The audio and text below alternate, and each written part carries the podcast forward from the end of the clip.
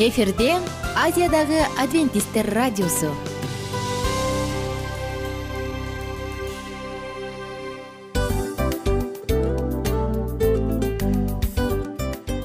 Достор салют. Баардык сүйүктүү угармандарыбызга салам айтабыз. Кутман күнүңүздөр менен. Ден соолук өмүрдүн булагы демекчи саламат саамы программасында баарыңыздарды көргөнүбүзгө абдан кубанычтабыз. Анда алгач амандашып өтөлү арбаңыздар деп. Ден соолугуңуздар кандай элибизде көбүнчө ден соолук кандай дегенде эле жакшы деп жооп беребиз э? ооруп турсак дагы жакшы дейбиз. Анан мен муну айтып ойлойт элем бул абдан сонун сөз депчи анткени бул жакшы деген үмүт да э ооба баары жакшы болот. Баары сонун. Үмүттөнүп атып эле өзүбүздү өзүбүз дарылап коебуз. Анысы кандай? Сиздин дагы ден соолугуңуз жакшы беш деген үмүттөбүз чындыгында ден соолук бул өмүрдүн булагы деп бекеринен айтылган эмес деп ойлойм. Кыргыз элинде анткени эгерде ден соолук жок болсо анда адамдын жашоосунда калган баардык керектүү маңыздуу нерселер өзүнүн баалуулугун жоготуп коет. Ошондуктан ден соолук бул эң керектүү нерсе. Ооба туура айтасың кесиптешим. Чынында ден соолугуң жок бир эки үч күн ооруп калсаң эле э кандай болуп калат? Жашоодо көз каранды болуп каласың көп нерсеге жетишпей каласың көп нерсени кыла албай каласың жада калса эшикке дүкөнгө да чыга албай каласың. Туптуура анан ден соолук болсо демек биз биздин бактыбыз тотой деп койсок болот. Анда достор саламат саамы рубрикабызды баштайлы. Алдыда өзүңүзгө керектүү болгон сонун кеңештерди уга аласыздар. Мына ошондуктан биз менен бирге болуңуздар. Ал эми биз болсо милан жана айнура. Кеттик алга. Алга саламат саама ден соолуктун жарчысы. Саламат саама ден соолуктун ачкычы. Күн сайын сиз үчүн мыкты кеңештер сонун жаңылыктар кызыктуу фактылар биздин рубрикада.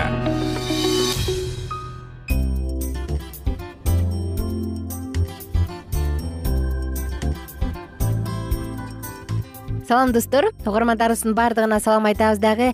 Кадырман угармандар деп саатыбызды баштайбыз. Кайрадан сиздер менен саламаттуу дене программасынын циклиндебиз. Андан ары улантабыз. Бүгүнкү темабыз туруктуу жаңылануу. Чынында организмибиз эң эле укмуштуу жана генералдуу бизге иштегенге эч нерсе жолтоо кылбайт. Албетте эгерде биз аны ар кандай уулуу жаман заттар менен тамактандырбасак ден соолугубузду карасак анда ал бизге өмүр бою жакшы кызматын кылып берет. Дененин баардык химиялык составы клеткалар мунун баардыгы тең элестетиңиз үзгүлтүксүз жаңыланып турат. Туруктуу жаңыланып турат. Мунун баардыгы тең эң эле уникалдуу. Мунун баардыгы кереметтүү. Элестетип көрүңүз мисалга айта турган болсок. Күн сайын ар бир күнү биздин денебизге үч килограмм материялар кирип турат. Бир килограммдан үч килограммга чейин. Булар тамак суу жана абанын кубометри түрүндө кирип турат. Жана ошондой эле ушул эле өлчөмдөгү ар кандай заттар бизден күнүнө бөлүнүп чыгып турат. Булар зара жана фекалий түрүндө. Кайсы бир маалыматтар боюнча адамдын денесиндеги атомдор алардын жашоо адамдын денесиндеги клеткалардын баардыгы жыл сайын жаңыланып турат дешет. Бирок адамдын жашоосунун тайнасы сыры мында биздин клеткаларыбыз атомдорубуз канчалык жаңыланбасын бирок биз өзгөрбөй ошол бойдон калабыз. Сөзсүз түрдө достор ооба кошулуу чындыгында кыйыныраак болуп турса керек э? Менин терим кандай болсо кечээ бүгүн деле ушул бойдон көзүм кандай болсо ошол бойдон мен кантип жаңыланып атам деп. Бирок биздин денебиздеги майда кирпичтер майда кичинекей кичинекей кирпичтер мунун баардыгы тең дайыма дайыма жаңыланып турат. Эгер ал жаңыланбаса анда ой анда биздин денебиз эбак эле өлүп калмак. Элестетип көрүңүз ар бир мүнөт сайын миллиондогон клеткалар өлүп турат. Ар бир мүнөт сайын ошол эле учурда ошончо клеткалар кайрадан тирилип турат. Денедеги дайымкы регенерация процесси ар клеткалардын ар бирин кожада териде сөөктө ашказанда канда баардык жерде дайыма регенерация болуп турат эң эле бат бат э, жаңылана турган нерсе бул эмне десеңиз теринин үстүңкү катмары. Анткени бул сырткы чөйрө менен көбүрөөк кездешет. Күнгө көп күйөт үшүйт ысыйт. Айтор карап отурсаң тери бизди баардык жагынан коргоп турат. Мына ошондуктан анын ар бир клеткасынын эпидермиси эки үч жума сайын жаңыланып турат. А эми андан аркы териден үстүңкү катмардан кийинки катмардагы терилер орточо эсеп менен алтымыш сексен күндүн ичинде толугу менен жаңыланат.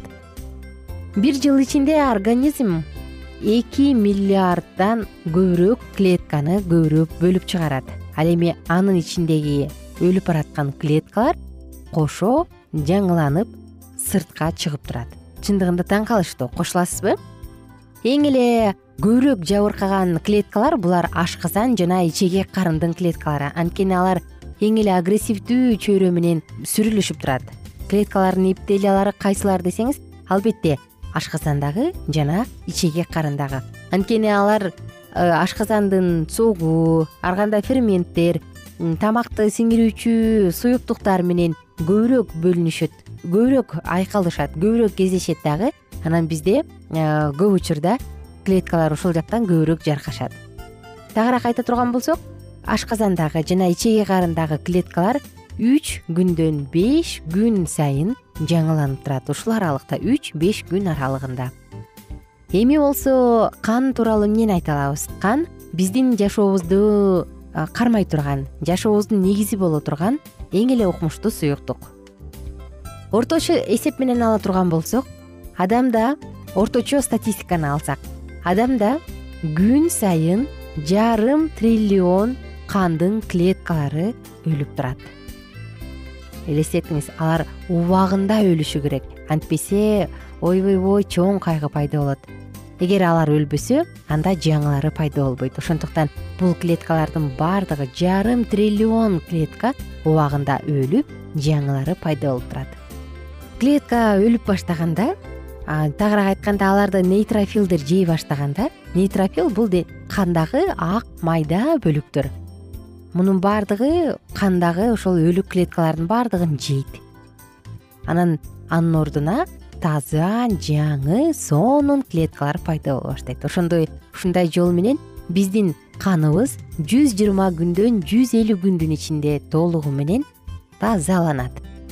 Кан тазалануу дегенде сөзсүз түрдө боор жөнүндө да айта кетишибиз керек. Анткени боор чындыгында кереметтүү жаралган орган эгерде операция жолу менен дагы боордун жетимиш беш пайызы алынып сала турган болсо анда эки айдан төрт ай ичинде ал толук кайра жүз пайыз өсөт. Отуз жаштан кырк жаш аралыгында ал жүз он үч пайызга чейин араң бир аз бир аз өрчүүсүн басаңдатат дагы калыбына келе баштайт. Ал эми улгайып калган учурда токсон токсон беш пайызга чейин активдүү болот. Тагыраак айтсак улгайып калган адамдардын боорунун клеткалары жүз элүү күндөн жүз сексен күн ичинде толугу менен кайрадан калыбына келет. Биздин ден соолугубуздун эң эле көп бөлүгү боордон көз каранды. Анткени ал канчалык чыдамдуу болбосун бирок эгерде кумшекер сахар алкоголду көбүрөөк иче турган болсок анда цирроз болуп кетиши мүмкүн. Ал эми цирроз өлүмгө алып келе турган оору экенин айта кетели. Эми болсо биздин клеткабыздын сөөгүбүздүн скелетибиздин клеткалары жөнүндө эмнени айта алабыз бизде дагы күнүнө жүздөгөн миллиондогон жаңы клеткалар иштелип чыгып турат. Ал эми жалпы баардык сөөктөрдүн структурасы толугу менен жаңыланып өтүш үчүн жети жылдан он жылга чейинки убакыт керек. Эми болсо жүрөктү айтсак достор. Дейин десем тилекке каршы убактыбыз өтө гана аз калыптыр. Жүрөк көз жөнүндө кийинки уктурууда кененирээк айтып берем. Мына ошондуктан биз менен бирге болуңуздар жана саатыбызды калтырбаңыздар. Күнүңүздөр көңүлдүү улансын достор. Атым анюта сиздер менен биргемин кызматтамын.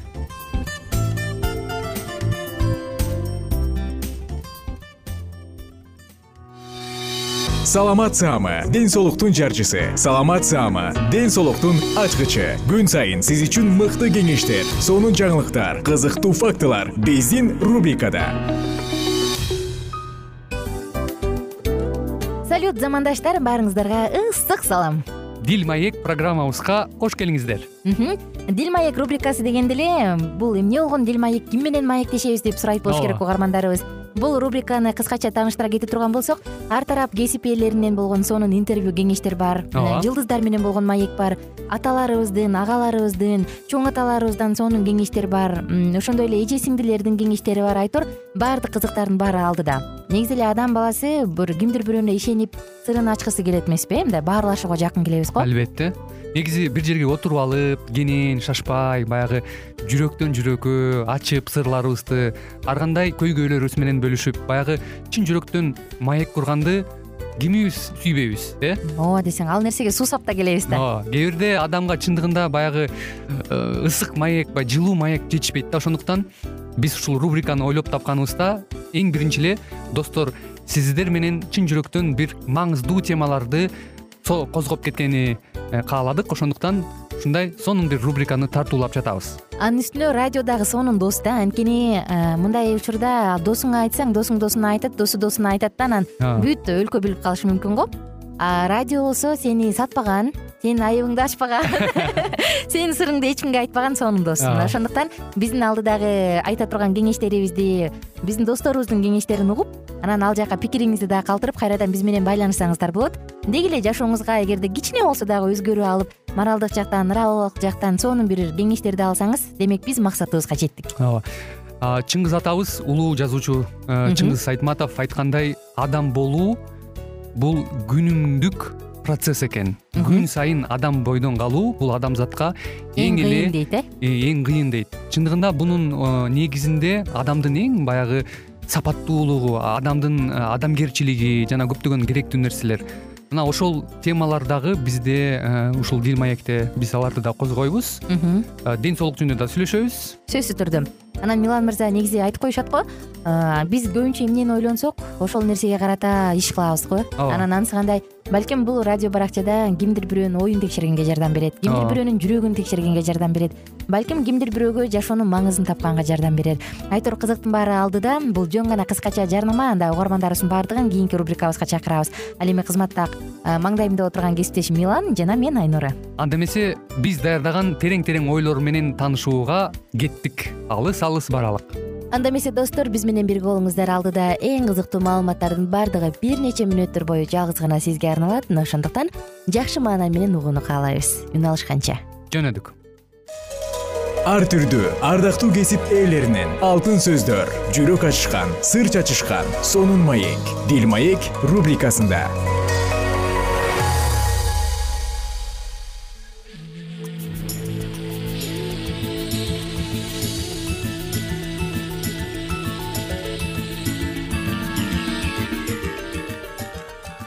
кутмандуу күнүңүздөр менен кымбаттуу радио угармандарыбыз кайрадан эле сиздердин назарыңыздарда кыргызстанга саякат аттуу программабызда кездешип жатканыбызга абдан кубанычтабыз.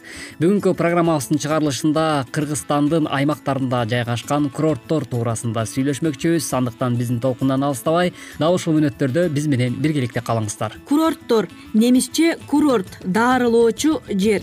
Адамдын организмине жагымдуу таасир этүүчү табигый дарылоо факторлору минералдуу суу дары баткак климат өзгөчөлүктөрү бар жерлер.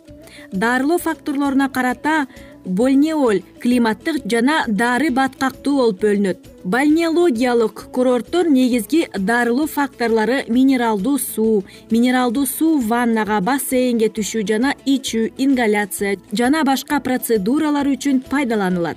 Андай курорттор кисловодск боржоми железноводск трускавец кыргызстандагы болсо жалал абад жети өгүз ысы ата жана башкалар кирет. Баткактуу курорттордо негизинен дарылоо фактору болуп дарылык касиети бар баткак колдонулат. Баткакты негизинен денеге жаап же ванна түрүндө пайдаланат. Мындан сырткары дагы көгүлтүр ысык көл областында жайгашкан жыргалаң курорту түштүк жергесинен орун алган жалал абад жана башка ушул сыяктуу курорттордо башка факторлор менен катар баткак менен дагы дарылашат. Климаттык курорттор деңиз климаттуу тоо климаттуу ошондой эле токой талаа токойлуу талаа жана башка климаттуу болуп айырмаланат. Климаттык курортторго негизинен аба жана күн ванналары ошондой эле сууга түшүүнү колдонулат. Анда климат менен дарылоочу жана ден соолукту чыңдоо процедуралары жүргүзүү үчүн атайын курулуштар павильондор галереялар солярий күн нурун өлчөм менен пайдалануу үчүн дарылоо пляждары сейилдөө үчүн маршруттар белгиленет. Жаратылыштын бир гана дарылык фактордун колдонгон курорту аз. Көпчүлүк аны бир нече дарылык факторлорун колдонот. Мисалы бальнеологиялык баткактуу курорттордо минералдуу суу дарылык касиети бар баткак бальнеологиялык климаттык курортторго минералдуу суу же климат менен даарылайт бул негизги курорттук дарылоодон тышкары дарылоо комплексине физиотерапия дарылоочу дене тарбиясы диета мүнөз тамак кээде дары дармек кошулат. Ошондой эле жогоруда биз айтып өткөндөй эле түштүк жиргесинен дагы орун алган жалал абад курорту туурасында дагы сөз кылалы жалал абад курорту бальнеологиялык дары баткактуу жана климаттык курорт. Жалал абад шаарынан беш километр. Чыгыш тарапта көк арт өрөөнүндөгү айып тоонун батыш капталындагы деңиз деңгээлинен тогуз жүз жетимиш беш метр бийиктикте жайгашкан бишкек шаарынан беш жүз алтымыш беш километр аралыкта аба темир жел жана автомобиль жолдору аркылуу катташат. Курорт аймагына арча мисте кара жыгач туя ак акация жана башка дарактар отургузулган. Климаты континенттик кышы жумшак кар калыңы сексен күндөн ашык жатат. Январда орточо температурасы жыйырма градуска жакын. Жаз эрте келет жылуу кар марттын экинчи жарымында кетет. Жайы ысык кургакчыл. Июлдун ортоңку температурасы жыйырма жети градус цельсийге жетет. Жылдык жаан чачымдар беш жүз миллиметрдей. Негизинен жаан күз кыш мезгилдеринде жаайт жылдык орточо салыштырмалуу нымдуулугу элүү эки пайыздай. Күн тиүү убактысы жылына эки миң эки жүз сексен жети саатты түзөт гелиотерапия үчүн метеорологиялык шарттар ыңгайлуу. Дарылоодо негизинен минералдуу суулар жана баткак пайдаланылат. Андан сырткары дагы жалал абаддын даарылык касиети. Бир минералдык булактары жергиликтүү элге онунчу кылымдан бери эле белгилүү болуп келген. Суунун химиялык анализи алгачкы жолу бир миң сегиз жүз жетимиш жетинчи жылы алынган ошол эле мезгилде округдун аскердик мед инспекторунун талабы менен ванна жана лазерет салынган. Курорт бир миң токсонунчу жылдары курула баштаган. бир миң тогуз жүз он экинчи жылы жергиликтүү бай мырзакул тарабынан айып булакка имарат салынган. бир миң тогуз жүз он сегизинчи жылы советтик эл комиссариатынын курамына өтүп элдик курорт статусу берилген. бир миң тогуз жүз жыйырма алтынчы отуз бешинчи жылдары курорттун номер бир корпусу курулган. Согуш мезгилинде курорттун корпустары аскердик госпиталь катары пайдаланылган. Курорттун дарылоочу негизги жайлары бир миң тогуз жүз элүү төртүнчү алтымыш сегизинчи жылдары курулган. бир миң тогуз жүз жетимиш экинчи жылы жалал абад курорту бүткүл союздук курорт деген статуска ээ болот бир миң тогуз жүз сексен төртүнчү жылы дарылоо корпусунун жаңы имараты ири мейманкана комплекси курулган. Курорт аймагында жетимиш бештен жүз элүү метр тереңдиктен бургуланып чыгарылган минералдуу суулары жана дары баткагы пайдаланылат. Ошондой эле курорт минералдык дарылык сууга өтө бай. Курортту курчаган жети булак бар. Биринчи булак кыз булак деп аталып суусунун температурасы төрт жүз кырк градуска жетет. Минералдык составы туздуу бир литр сууда үч грамм туз болот. Номер бешинчи булак айып булак деп аталып газдуу суусунун температурасы төрт жүз он градус цельсийге жетет. Ал эми төртүнчү булак ак булак. Суунун температурасы эки жүз он гана градус болгондуктан муну көбүнчө жайкысын ванналарга сууну муздатуу үчүн бир аз кошуп пайдаланат. Номер жыйырма жети булак ичүү үчүн пайдаланылат бөтөлкөгө куюлуп сатылат. Жылуу суусу аз минералдашкан. Азоттуу хлорид гидрокарбонат сульфаттуу магний кальций натрийдүү. Жегичи аз. Составына кремний кислотасы көбүрөөк. Минералдуу суунун составына микроэлементтердин көптүгү менен айырмаланат.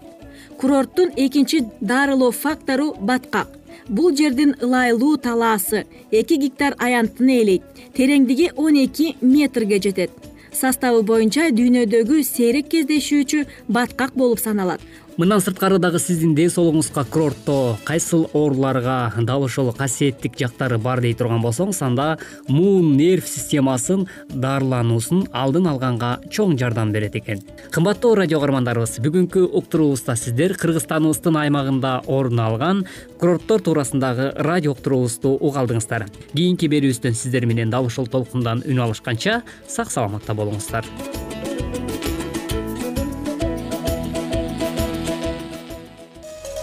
ар түрдүү ардактуу кесип ээлеринен. Алтын сөздөр жүрөк ачышкан сыр чачышкан сонун маек. Дил маек рубрикасында.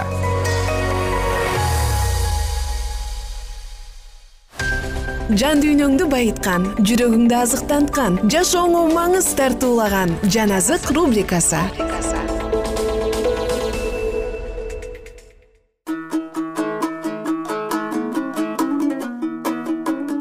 кутмандуу күнүңүздөр менен достор.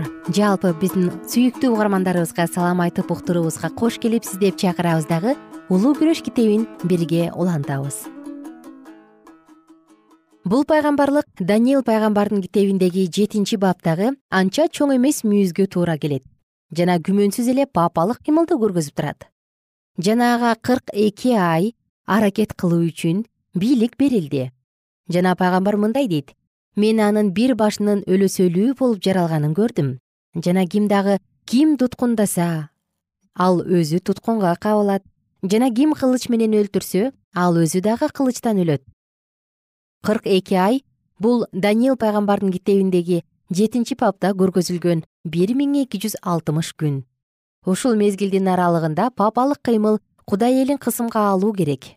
Бул мезгил башкы баптардан окуп кеткенибиздей беш жүз отуз сегизинчи жылы папанын жогорку бийлигинин далилдеген буйрук күчүнө киргенде башталып бир миң жети жүз токсон сегизинчи жылы папа франциялык аскерлердин аркасында туткунга алынып кеткенге аяктаган папалык бийлик өлөсөлүү жаракат алган жана ким туткундаса өзү туткунга кабылат деген пайгамбарлык ордунан чыккан.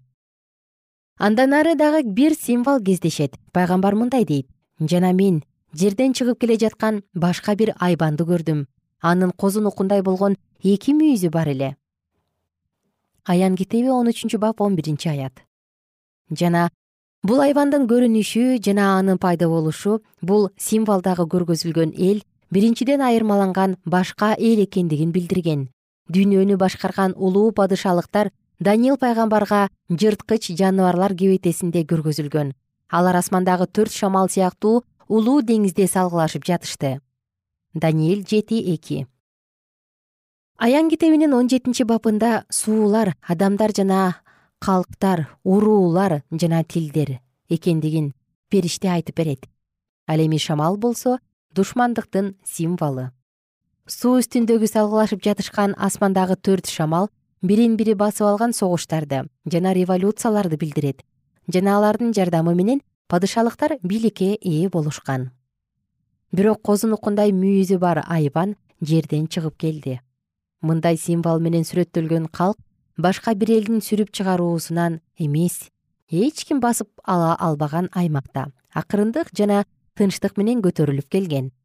Бул калк адамдар жашап элдер адамдар жана уруулар тилдер баскынчылык кылган жерден пайда болбогон. Аны жер шарынын түндүк жагынан издеп таба алабыз бир миң жети жүз токсон сегизинчи жылы жаңы жарыкта кайсыл улут бекемделип жана жогорулаган улуу держава болууга убада берип дүйнөнүн көңүлүн өзүнө бурган. Бул символду талкуулоодо эч кандай күмөн саноолор туулган эмес.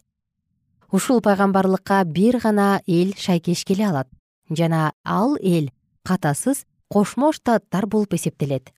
Ойлор жада калса пайгамбардын айткан сөздөрү бул мамлекеттин өсүп өнүгүүсүн чагылдырышкан тарыхчылардын жана ойчулдардын ооздорунан дагы айтылып келген. Айбан жерден чыгып келе жаткан грек тилиндеги чыгып келе жатат деген сөздүн түздөн түз мааниси өсүү же өсүмдүк сыяктуу өсүп көтөрүлүү дегенди билдирген. Биз көргөндөй бул калктын көтөрүлүүсү буга чейин адамдар каптабаган аймакта болуусу тийиш көрүнүктүү адабиятчы кошмо штаттардын өсүшүн мындай деп жазган. Үрөөн сыяктуу биз үндөбөстөн өстүк жана империяга айландык европадагы журнал бир миң сегиз жүз элүүнчү жылы кошмо штаттарды күтүүсүздөн пайда болгон жана үндөбөстөн күн сайын күчкө жана текебердикке толуп келет деп жарыялаган. Эдуард эверт өзүнүн ушул олутту негиздеген уруу аталары жөнүндө сөзүндө мындай деп айткан.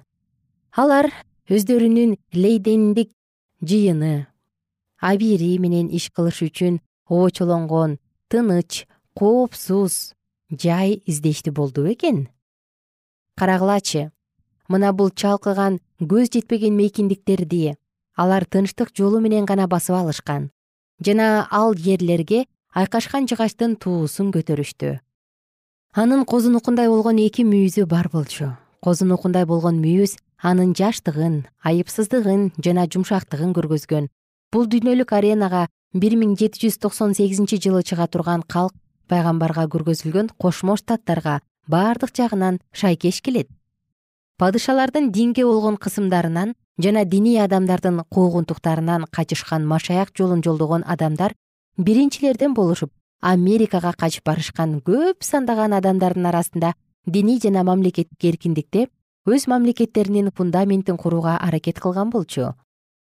Жана алардын көз караштары көз карандысыз декларация колдоого алынып бардык адамдардын укугу бирдей жашоого да эркиндикке жана бакытка умтулууда дагы бир укуктуу деген чындыкты көтөрүшкөн. Кабыл алынган конституция адамдар добуш берүү менен шайланган адамдар мыйзам кабыл алып жана аны калыс сотко тапшыра тургандыгына кепил болот. Андан тышкары ар бир адамга өз абийиринин шартына жараша кудайга кызмат кылуу экендиги берилди. Бул мамлекеттин негизи болуп протестантизм жана мамлекеттик көрсөтмөлөр эсептелген. Анын гүлдөп өнүгүүсүнүн негизги себеби мына ушунда болгон. Жер шаарынын бардык тарабындагы кысымга алынган христиандар мамлекетке кызыгуу жана үмүт менен карап жатышты жана миллион дегендер анын жээгин көздөй умтулушкан бирок козунун мүйүзүндөй болгон мүйүзү бар айбан ажыдаардай болуп сүйлөдү. Ал биринчи айбандын алдында анын бардык бийлиги менен аракеттенип бүт жерди жана жерде жашагандарды өлөсөлүү жараса айыккан биринчи айбанга таазим кылууга зордуп жатты кылычтан жарадар болгон жана тирилген айбандын жасалма түрүн жасагыла деп айтат. Аян китеби он үчүнчү бап он биринчи он төртүнчү аяттарда жазылган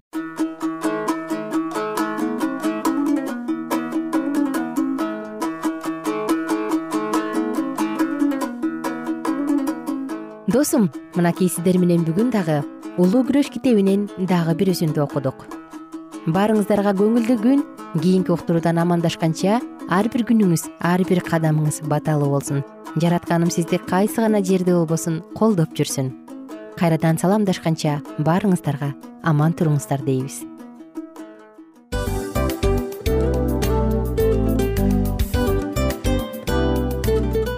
достор биздин радио баракчаларыбыз соңуна келди. Демек бул программабызды дагы жыйынтыктачу учур келдик. Учурга келдик. Анан кесиптешимден сурагым келип турат. Негизи эле иштин башталып атканы кубандырабы сени же жыйынтыгы кубандырабы? Албетте жыйынтыгы. Себеп дегенде сен кылган ишиңдин жыйынтыгын көрүп э, баягы мөмөсүн көрүп дегендей жыргайсың жүрөгүң жемишинен тартып э? Кандай даамдуу деп. Баягы буудай сепкенде эмес буудайдын эгинди жыйнагандан кийин ысык нанды жегенде кадимкидей ырахаттанасың го. Ой айтпа туура айта кеттиңиз. Сонун салыштыруу болду анан мен дагы абдан кубанып турам анткени биз угармандарыбыз үчүн аябай эмгектенип келген уктуруубуздун соңуна келип калдык.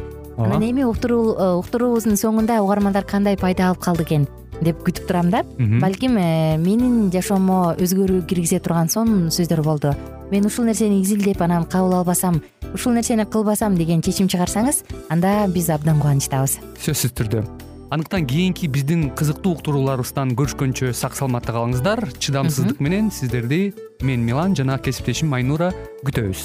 Баардык угармандарыбызга ийгиликтүү күн каалайбыз. Качан гана болбосун уртуңуздан жылмаюу кетпесин үйүңүздө көмүр жүрөгүңүздө көңүл болсун дейли